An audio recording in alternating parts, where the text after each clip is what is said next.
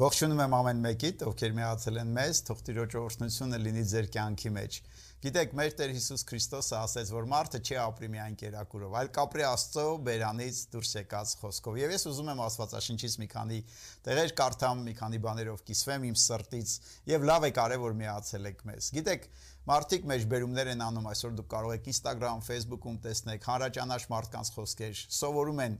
հաջողակներից, գիտեք, նրանց սխալներից են նույնպես սովորում։ Եվ այդ մեջբերումների մեջ կարդում ես իմաստուն խոսքեր, բայց ես ուզում եմ այսօր խոսեմ իմաստուն մարդու մասին։ Գիտես,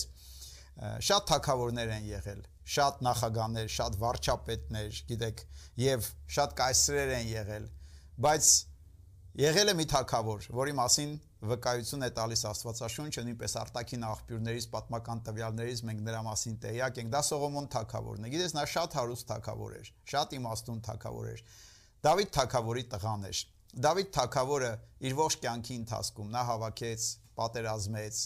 նա ստացավ Աստծուց տեսիլքն ու խոսքը բայց Աստված որոշել էր Սողոմոնին որ նա պիտի կառուցի տաճարը նա թագավոր դարձավ Դավիթից հետո սկսեց տաճարի շինարարությունը, Աստված օրհնեց, բարձրացրեց նրան։ Եվ գիտեք, մինչև թակավորության անցնելը դեռ նոր էր սկսել նա թակավորական գահին նստել, Աստված հայտնվեց նրա մոտ, ասեց՝ «Խնդրիր, ինչ ես կամենում»։ Աստված եկավ, խոսեց նրա հետ։ Եվ նա իմաստություն խնդրեց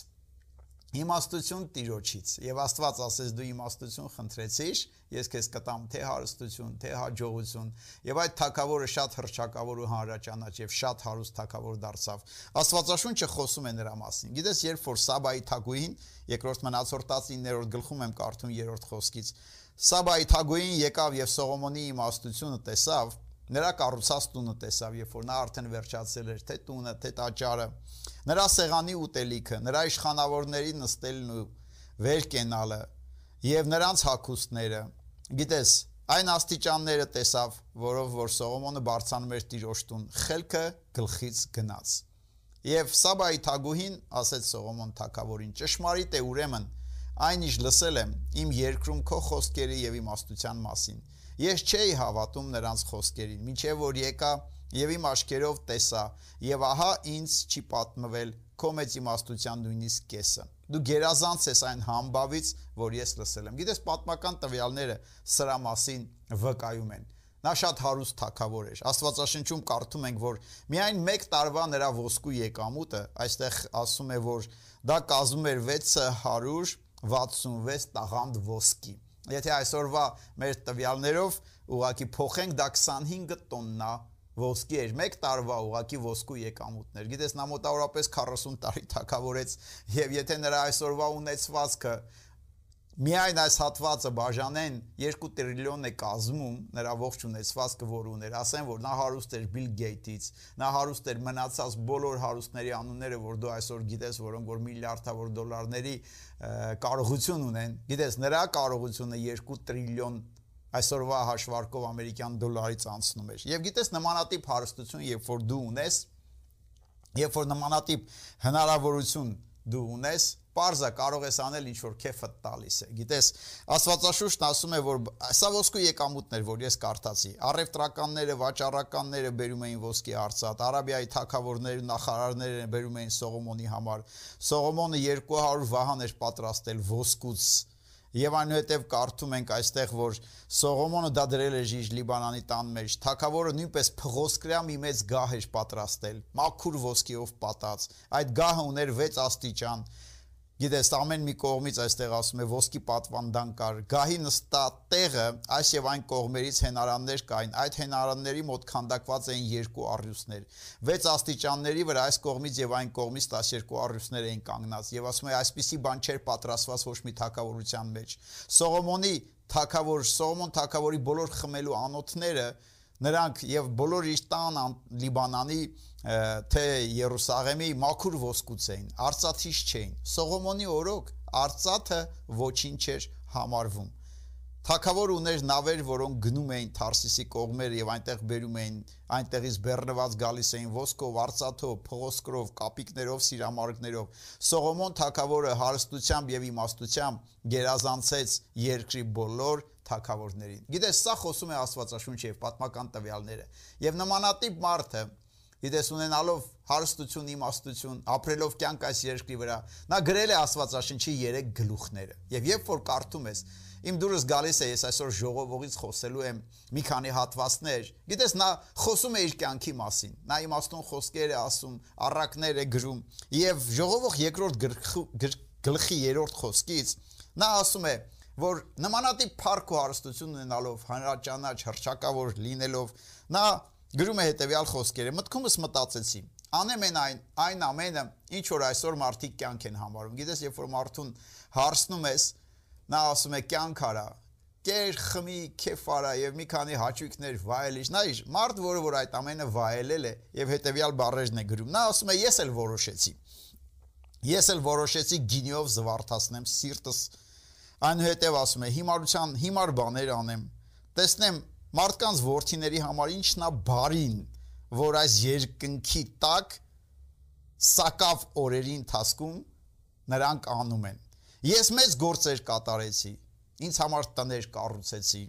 ինձ համար այգիներ տնկեցի գիտես մարդիկ կմտածում են դա է կյանքը պարտեզներ դա ված բան չէ այգի տուն կառուցելը, պարտեզներ տնկելը։ Եվ այնուհետև ասում է մրքաստաններ պատրաստեցի, ամեն տեսակի պտխաբեր ծառ տնկեցի, ինձ համար ջրավազաններ սարքեցի, որpիզի նրանցից ռոռոկվի անճոխ անտառը։ Ստրուկներ, աղախիններ գնեցի։ Իմ տանս ծնվեցան ծառաներ, շատ արչարներ, հոտեր ունեցա։ Եվ ինձանից առաջ Երուսաղեմում ով որ եղել էր բոլորից ավելի մեծացա։ Արծաթ եմ հավաքել, ոսկի եմ հավաքել, թակավորների եւ գավառների գանձեր եմ կուտակել։ Ինձ համար երկիշներ ու երկչուհիներ եմ ձեռք բերել։ Մարդկանց worth-իների բոլոր զվարճություններով զբաղվել եմ։ Բազմաթիվ հարճեր եմ ունեցել։ Եվ անուհետև շարունակում է. մեծացա, գերազանց եղա, ովքեր որ կային ինձնից առաջ Երուսաղեմում, իմաստությունը մնաց իմ մոտ։ Եվ ամեն բան աչքիս ինչ որ ցանկալի է չեմ արգելել։ Նայեք, մի մարդ, որը որ նմանատիպ ճանապարհով է անցել եւ այնուհետեւ գրում է. սիրտս ուրախացրեցի իմ բոլոր աշխատանքով։ Եվ այնուհետեւ եւ իմ աշխատանքի վարչատրությունը վայելեցի։ Եվ ես նայեցի իմ ձեռքերի արած բոլոր գործերին եւ դրանք կատարելիս իմ տկնությանը եւ ահա ամբողջուն այն էր քամի աշխատանք արեգակի տակին ոչ մի օգուտ չկար եւ ո՞րն է օգուտը այս կյանքում ամեն մեկս որ ապրում ենք ինչ է խորուրդ տալի նմանատիպ բաներ անող անznավորությունը ժողովող 12-րդ գլխում խոսելով իր բոլոր առակները կյանքի մտորումները խորուրդ է տալիս այսօր որը որ Աստվածաշնչում Աստված հարմար է քթել այդ ամենը գրի առնվի եւ հասնի ինձ ու քեզ Աստված հարմար է քթել որpիզի այսօր ես ու դու ունենանք մեր լեզվով կարդում ենք. 12-րդ գրքի առաջի ժողովող խոսքում հետեւյալ բանն է ասում նորից եմ ասում մարդ որը աշքի ցանկությունները չի արգելել իրանից ինչ որ մի բան որ կցանկանար աներ այս երկրի վրա. Բիզնես աշխատանք հարստություն հավաքեր զբաղմունքներ ամեն ինչ վայելել է եւ առաջի խոսքը նա իր ժողովողի 12-րդ գլխի հետեւյալ բառն է ասում նա ասում է ինչ է խորհուրդ տալիս ինձ ու քեզ հիշիր քո արարչին երիտասարդությանը տորեր։ Այսօր հանդիպում ես մարդիկ, որոնք որ ասում են, դե կմեծանամ, հետո հավատքի կգամ։ Կմեծանամ, հետո կորոշեմ Հիսուսին հավատալ կամ կյանքս տալ նրան։ Այստեղ ասում է. Հիշիր քո արարչին երիտասարդությանը տորերը, քանի դեռ չէ կյանքդ ավարտին հասել շվարությանը տորերը եկել։ Եվ այնուհետև 13-րդ խոսքը ավարտում է հետևյալ բառերով. Իմ խոսքի վաղճանը լսեցեք։ Այս ամենը խոսեցի Եվ ես խորհուրդ կտամ կարդաս ժողովողը, առակած գիրքը, որտեղ որ նա գրում է իր մտորումները, տալիս է խելացի խորհուրդներ, եւ ժողովողի 12-րդ գլխի ամենավերջի խոսքերում հետեւյալ բանն է ասում. Սա է իմ խոսքից վախճանը։ Աստծուց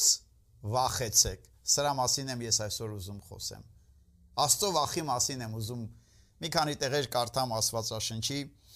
Աստվածաշնչից Աստծուց վախեցիր եւ պահիր նրա պատվիրանները, որովհետև մարդու համար սա է իր ամբողջ պարտավորությունը։ Աստծոց վախեցիր եւ Տիրոջ խոսքը կատարող մարդ եղիր։ Գիտես, ուզում եմ Տիրոջ երկյուղի մասին խոսեմ։ Աստվածաշունչը երբ որ կարդում ես, կան բաներ, որի մասին Աստվածաշունչը չի խոսում։ Կան բաներ, որ մեկ տեղ ուղակի կարող ես Աստված հիշատակում է Եվ կոնկրետ, եթե ուշադիր նայես կոնտեքստի բովանդակությանը, կտեսնես, որ դա մեկ ուրիշի խոսքեր էր, որը որ գրված է Աստվածաշնչի մեջ, դա կանոն ու օրենք չի տրված ինձ ու քեզ պատվիրան չի։ Բայց Տիրոջ երկյուղի մասին շատ է խոսում։ Գիտես, չես կարող ստիպողաբար ձևով լինել մարդ, որը Տիրոջ երկյուղի մեջ քայլող անձնավորություն լինի։ Եվ նայիր այստեղ։ Ես ուզում եմ սկզբից խոսեմ Տիրոջ երկյուղի կարևորության մասին։ Առակաս 22-րդ գլխի 4-րդ խոսքում հետաքրքիր բան է։ Գիտես, եթե չես լսել մի քանի օր առաջ մեր թանկագին հովիվը Արտուր Սիմոնյանը անցկացրեց մի հիասքանչ ծառայություն, դա ձայնագրված է այսօր բոլոր սոցիալական կայքերում կարող ես գտնել, կոչվում էր խոնարհություն։ Եվ ես ուզում եմ շարունակեմ, որովհետև Առակաս 22:4-ը խոնարհությանը գումարում է մեկ ուրիշ բան եւ ասում է խոնարհության եւ տիրոջ երկյուղի վարձքն է հարստությունը, պատիվը եւ կյանքը։ Սրանք առանձին առանձին վերցրած կարող ես որոշակի մարդկանց մոտ գտնես։ Կան մարդիկ, որոնք հարուստ են, բայց պատիվ չունեն։ Կան մարդիկ, որոնք որ կյանք չունեն, առողջ չեն եւ գիտես նրանց կյանքը կյանք չի իրանից ներկայացնում։ Եվ այստեղ ասում է խոնարհության եւ տիրոջ երկյուղի վարձքն։ Այս երեքը իրար հետ հարստությունը, պատիվը, հարգանքը, կյանքը դա խոնարհության եւ տիրոջ երկյուղի վարձքն է։ Ու տիրոջ երկյուղի մասին եմ ուզում դրա համար խոսեմ, որովհետև նույն առակազ գիրքը 2014-րդ գլխի 27 խոսքը ասում է Տիրոջ երկյուղը կյանքի աղբյուր է։ Մահվան որոգայթներից խույս տալու համար։ Գիտես Տիրոջ երկյուղը, Տիրոջ վախը, երբեմն մարդիկ երբ որ վախ կամ երկյուղ բառն են հանդիպում, չեն հասկանում ինչ է դա իրանից ներկայացնում։ Դա միայն վախ չի ներկայացնում։ Գիտես այդ բառը ավելի լավ է հայերենում Տիրոջ երկյուղ կոչվում է եւ դա իր մեջ հարգանք, պատիվ, գիտես խոնարհությանը այդ սրտատրոբ մոտեցումով եւ երբ որ խոսում է աստվածավախության մասին, Աստծո երկյուղի մասին, դա մենակ այն չի, որ ես մի բան այնպես չեմ անի եւ հիմա Աստված կպատժի, հիշիր մեր Աստված ողորմած է։ Նրա ողորմությունը ամեն առավոտ նորոգվում է։ Ամեն առավոտ երբեք չի վերջանում։ Շնորհքը նրա վերջ չկա Քրիստոսի միջոցով, այո, Տիրոջ շնորհք թափվեց մեր կյանքի մեջ։ Նրա շնորհիվ Մենք այսօր կարող ենք ազատ ապրել ամեն մեղքից։ Մենք այսօր կարող ենք համարցակ մոտենալ մեր երկնային հորը, որպիսի վերցնենք այն ամենը, ինչ մեզ պետք է։ Աստծո խոսքում Պետրոս Առաքյալը ընդհանրապես գրում է եւ ասում է նրա աստվածային շնորհիվ, շնորհքի հաշվին, նրա խաչի վրա Հիսուս Քրիստոսի խաչի վրա կատարած գործի հաշվին մենք ունենք այն ամենը, ինչ մեզ պետք է այս կյանքի եւ աստվածապաշտ կյանքով ապրելու համար։ Եվ դրա համար Տիրոջ երկյուղի մասին եմ այսօր խոսում, որովհետև Սաղմոս 25:14-ը, նայ, մի քիչ էլ առաջ գնանք եւ էլի խոսում է Տիրոջ եր։ Մի քանի տեղեր եմ ուզում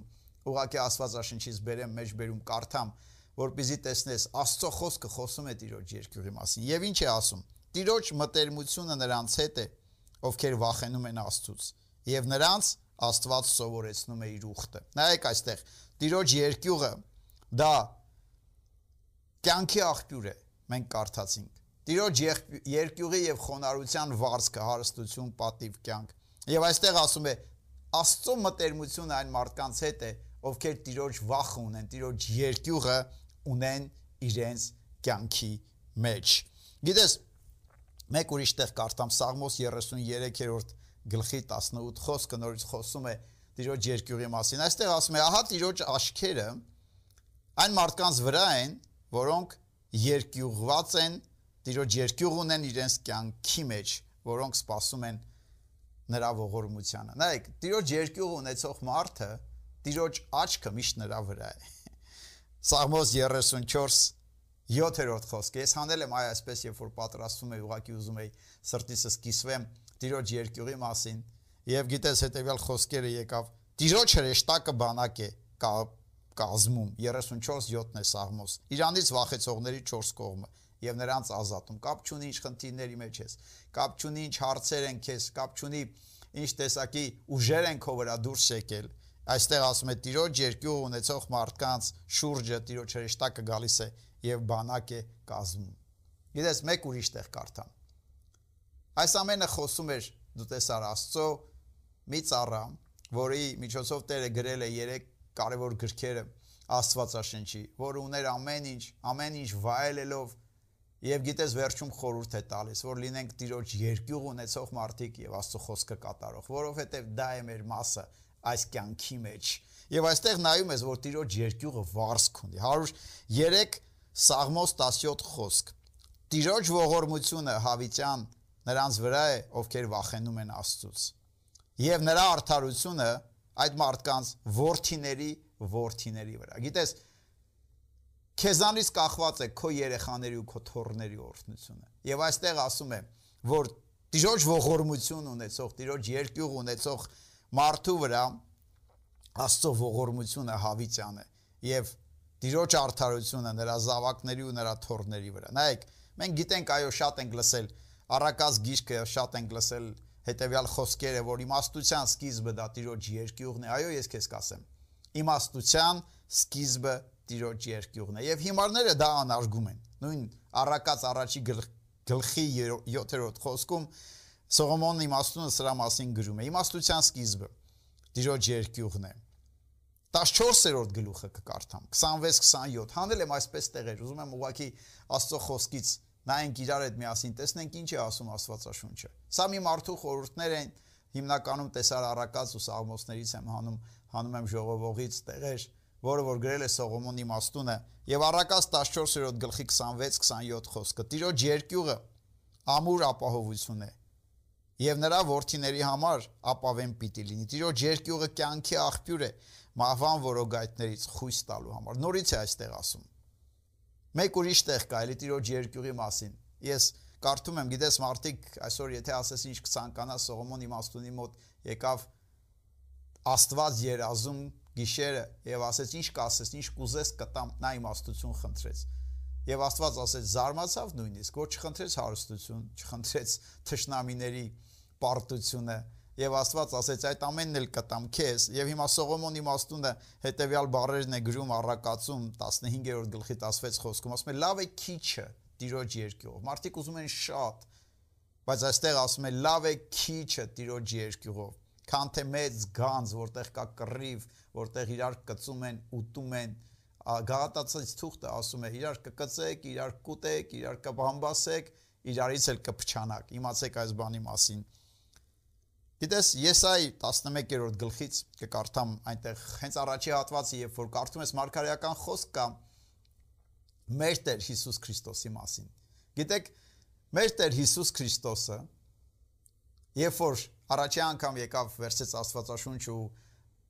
վերադարձավ փորձությունից Եսայ 61-րդ գլուխը բացեց ու կարդաց նա ասեց Տիժոջ հոգին ինձ վրա է Գիտես եւ այդ նույն հոգու Սուրբ հոգի ենք մենք ասում անունները Եսայի 11-րդ գլխում մենք կարդում ենք ինչ հոգի էր Հիսուսի վրա նայեք Եվ այստեղ Եսային մարգարեանում է։ Դա Աստծո հոգին էր, իմաստության ու հանճարի հոգին, խորհրդի ու զորության, գիտության եւ այնուհետեւ Սուրբ հոգու մասին հետեւյալ նույնպես բառերն է այստեղ օգտագործում դիժոջ երկյուղի հոգին էր։ Երրորդ խոսքում խոսում է մեր Տեր Հիսուս Քրիստոսի մասին, ասում է նրա ախորժանքը տիրոջ երկյուղն է լինելու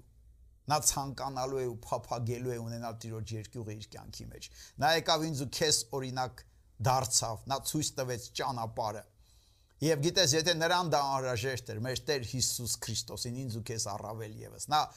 օրինակ դարձավ, որ մենք էլ նայենք եւ ուզենք լինել մարդ, որի կյանքում Տիրոջ երկյուղը միշտ ներկա լինի։ Նրա ախորժանքներ, փափանքներ, ցանկություններ։ Չի կարող Աստված որից է մի բան բերել քո կյանքի, իմ կյանքի մեջ, եթե ես ու դու դա չուզենանք, որպեսզի լինի մեր կյանքում, Եվ գիտես ուզենալու համար մենք պիտի հասկանանք։ Դրա համար ես ուզում եմ խոսեմ Տիրոջ երկյուղի, Տիրոջ վախի կարևորության մասին։ Եվ Աստվածաշունչը ասում է, դա մեծ օրհնություն է։ Ամեն մարդ ով որ որ ունի Տիրոջ վախը, Տիրոջ երկյուղը իր կյանքի մեջ, կյանքում երբեք ամոթով չի կանգնի։ Երբ որ կգա ժամանակը, կանգնենք մեր Տիրոջ արչև չենք ամաչի, մեր ապրած կյանքից, չենք ամաչի մեր արած գործերի ու արարքներից։ Եվ նայեք, առաջի եկեղեցու կյանքում դա կար։ Մենք նայում ենք գործ առաքելոցում ինչ մեծ արտնություն էր, բայց կար մի բան, որը որ ներկա էր այդ եկեղեցու կյանքի մեջ։ Մենք արտնությունն ենք տեսնում, հրաշքներն ենք տեսնում, բայց չենք հասկանում ինչն էր պատճառը, որ այդ ամենը նրանց կյանքում կար ու այդ ամենը տեղի էր ունենում։ Իհարկե մենք երբեմն մտածում ենք, դե Աստված էր դա անում, ուզեց արեց, հիմա էլ չի ուզում, չի անում, մարդիկ նմանատիպ աստվածաբանություն են հորինում կամ փորձում են արդարացնել, ոչ, կամ բաներ, որոնք որ ծնում են այն ինչ որ մենք գործ առաքելոցում կարդած կարդում ենք նայր եւ 31-րդ խոսք 9-րդ գլխի եկեղեցիները շինվում էին եւ տիրոջ երկյուղի հետևից գնում տիրոջ երկյուղի հետևից գնում տիրոջ երկյուղը կար այնտեղ տիրոջ վախը ներկա էր մարդիկ չէին մոտենում Աստծուն հենց այնպես որպես մի ընկեր, այո, նա մեր հայրն է ու մեր ընկերն է, մեր ավակ եղբայրն է Հիսուս Քրիստոսն ու իմ ու քո Տերն է, բայց նա ամենակարող Աստված է, որից պետք է երկյուղ ունենալ, որի վախը պետք է միշտ մեր կյանքի մեջ լինի։ Սաղմոս 34-րդ գլխի 9-րդ խոսքն եմ կարդում։ Ահա ինչ է ասում Սաղմոս գրողը. Վախեցեք Տիրոջից, ով նրա սուրբ է։ Նրանից վախեցողների համար ոչ մի պակասություն չկա։ Նրանից վախեցողների համար ոչ մի պակասություն չկա։ Գիտես, Աստված հանեց Իսրայելին Եգիպտոսից։ Իհարկե դա խորհրդապատկերն է, որ Տերը հանեց մեզ, փրկեց մեզ այս աշխարից։ Տեղափոխեց իր թանկագին որդու արքայության մեջ։ Այո, Զատիկը Քրիստոսը մորթվեց մեզ համար։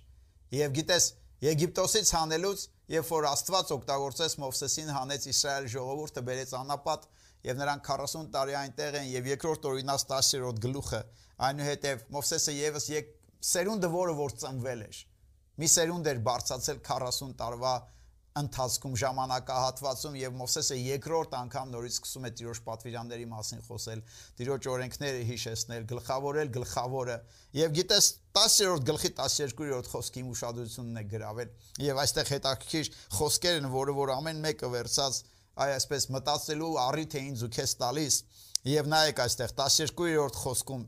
հետեւյալ բառերն է ասում Մովսեսը Աստծո ժողովրդին։ Դա ինձ ու քեզ է այսօր նույնպես վերաբերվում։ Մեզ էլ Աստված հանել է, չի հանել հենց այնպես ուղակի ժամանակ անցկացնելու համար։ Չի հանել մենակ երկինք տանելու համար։ Հակառակ դեպքում ես ու դու արդեն երկնքում կլինենք, դեռ մենք երկրի վրա ենք։ Ուղարկված Աստծո падգամավորներն ենք, այս դեսպաններն ենք այս երկրի վրա։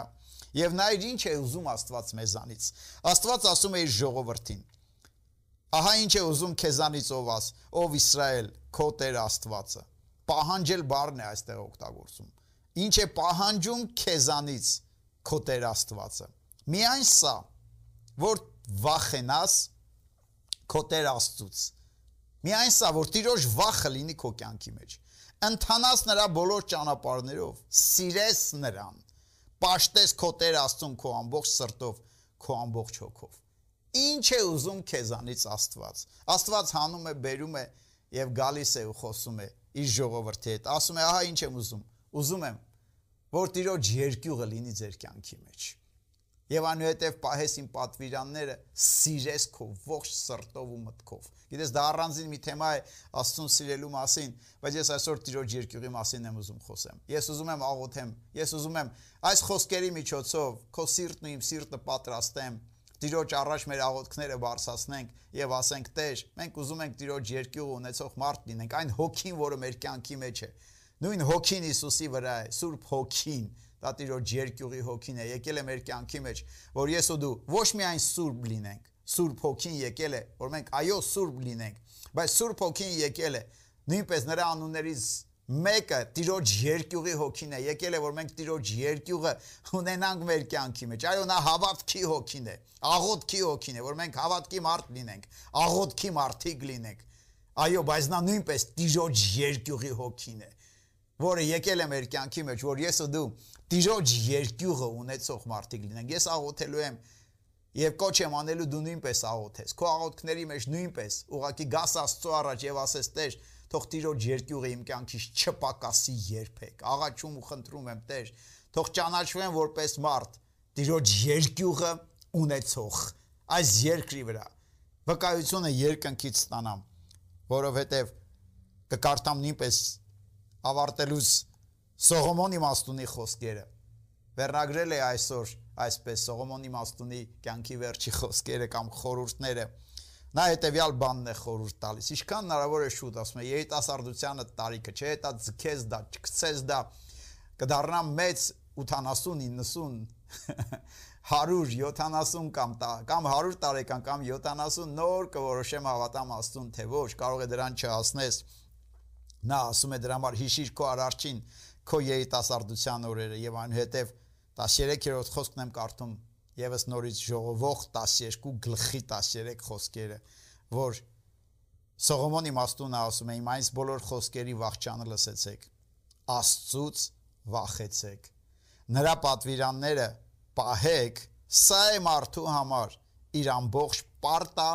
որությունը։ Եվ դու տեսար ինչ մեծ օրհնություններ է Տիրոջ երկյուղը ունենալը։ Ես ուզում եմ ամփոփեմ։ Հիշիշ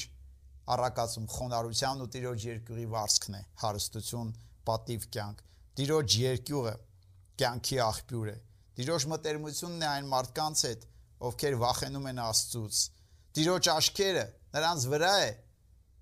ովքեր ունեն Տիրոջ երկյուղը իրենց կյանքի մեջ։ Տիրոջ հրեշտակը բանակ է կազում։ Տիրոջ երկյուղ ունեցող մարդկանց 4 կողմը եւ ազատում նրանց։ Տիրոջ ողորմությունը հավիտյան գալիս է Տիրոջ երկյուղ ունեցող մարդկանց կյանքի վրա եւ նրանց նրա արդարությունը նրանց ворթիների եւ թորների վրա։ Իմաստության սկիզբն է Տիրոջ երկյուղը։ Տիրոջ երկյուղի մեջ ամուր ապահովություն կա։ Կյանքի աղբյուր է մահվան որոգայտներից խույս տալու համար։ Եվ գիտես, Հիսուսի ախորժանքներ, Տիրոջ երկյուղը Մենք կարդացինք նա այստեղ ախորժակ բառն է, այսինքն փափակն էր։ Նա կամենում էր լինել ցանկությունն էր Տիրոջ երկյուղը ունեցող մարդ։ Եվ գիտես, մենք կարդում ենք Աստվածաշունչում, ինչ որ կամենանք ու խնդրենք, մեր Տիրոջ անունովը, մեր Աստված դա կտա։ Եվ ես ուզում եմ աղոտ կանեմ քեզ այս խոսքերով քաջալերեցի։ Թող ճանաչվենք, թող ամեն մեկս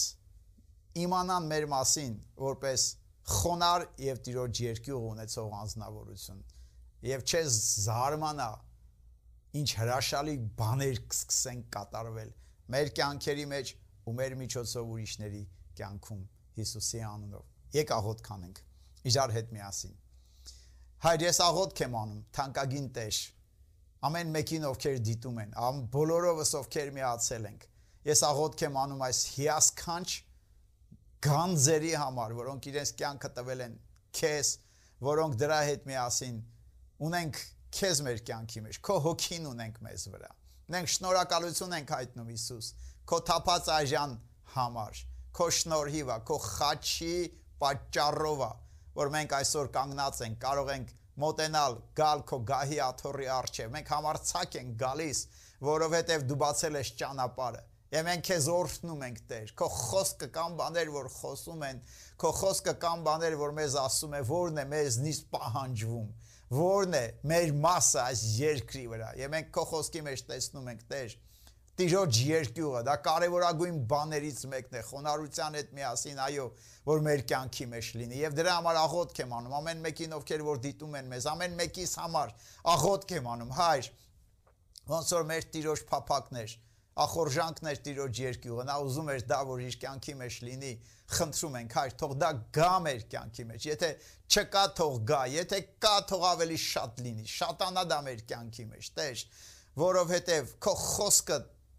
չի ստում։ Քո խոսքը երբ որ խոսում եմ մի բանի մասին, որը կարևոր է որ մեր կյանքի մեջ լինի, դա օրհնություն է մեզանից ամեն մեկի համար։ Մենք չենք կարող դա ավտոմատ ձևով անել, որովհետև մենք կարդում ենք Աստվածաշնչի մեջ, կամենալն էլ, կատարելն էլ քեզանից է, ոչ ուժով է, ոչ զորությամբ է, Տեր քո հոգու շնորհիվ է, որը տվել ես մեր մեջ, ձևավորիր մեր սիրտը, միտքը, աշխատիր մեր կյանքի մեջ, ամեն մեկին ով որ դիտում են հայր, որպեսզի այս թանկ բանը կարևոր որ Աստվածաշնչի մեջ մենք կարդում ենք, որը կոչվում է Տիրոջ երկյուղը, լինի մեզանից ամեն մեկիս կյանքի մեջ։ Ես շնորհակալություն եմ հայտնում, հայր, եւ քեզ փառք եմ տալիս, Տեր, որ դու հավատարիմ Աստված ես, քո խոսքը, որ ուղարկում ես, գալիս է իր պտուղը մեր կյանքի մեջ բերելու։ Եվ այսօրվա քարոզն ու այսօրվա խոսքը, այսօրվա իմ սրտից ինչ որ կամեցա կիսվեմ, թող զորավոր պտուղներ բերի մեզանից ամեն մեկիս կյանքի մեջ թող ճանաչեն մեզ որպես խոնար եւ տիրոջ երկյուղը ունեցող մարդիկ։ Թող մեր եկեղեցիներում տիրոջ երկյուղը, ոնց որ Աստծո խոսքը ասում է գործարակելոց եկեղեցիների մասին, տիրոջ երկյուղին հետևում էին այնտեղ գտնվող ամեն մի հավատացյալ։ Այ այդպես լինի Հիսուս Քրիստոսի զորավոր անունով։ Ամեն։ Տերը օրհնի ձեզ։ Շատ շնորհակալություն այս ժամանակի համար, որ միացել եք խոսքը լսելու եւ իմացիր աստված իր խոսքը հենց այնպես չի ուղարկում ուղարկում է իր ժամանակին, ոնց որ անձրևն է գալիս, ոնց որ ձյունը գալիս է երկիրը արգասավոր սարկում իր պտուղները տալիս, եւ թող այդ պտուղները դրսևորվեն մեր կյանքի մեջ եւ թող ոնց որ Եսային մարգարեացել է, Հիսուսը կտեսնի իր աշխատանքի պտուղը ու կկշտանա, թող տեսնի եւ ուրախանա։ Ամեն։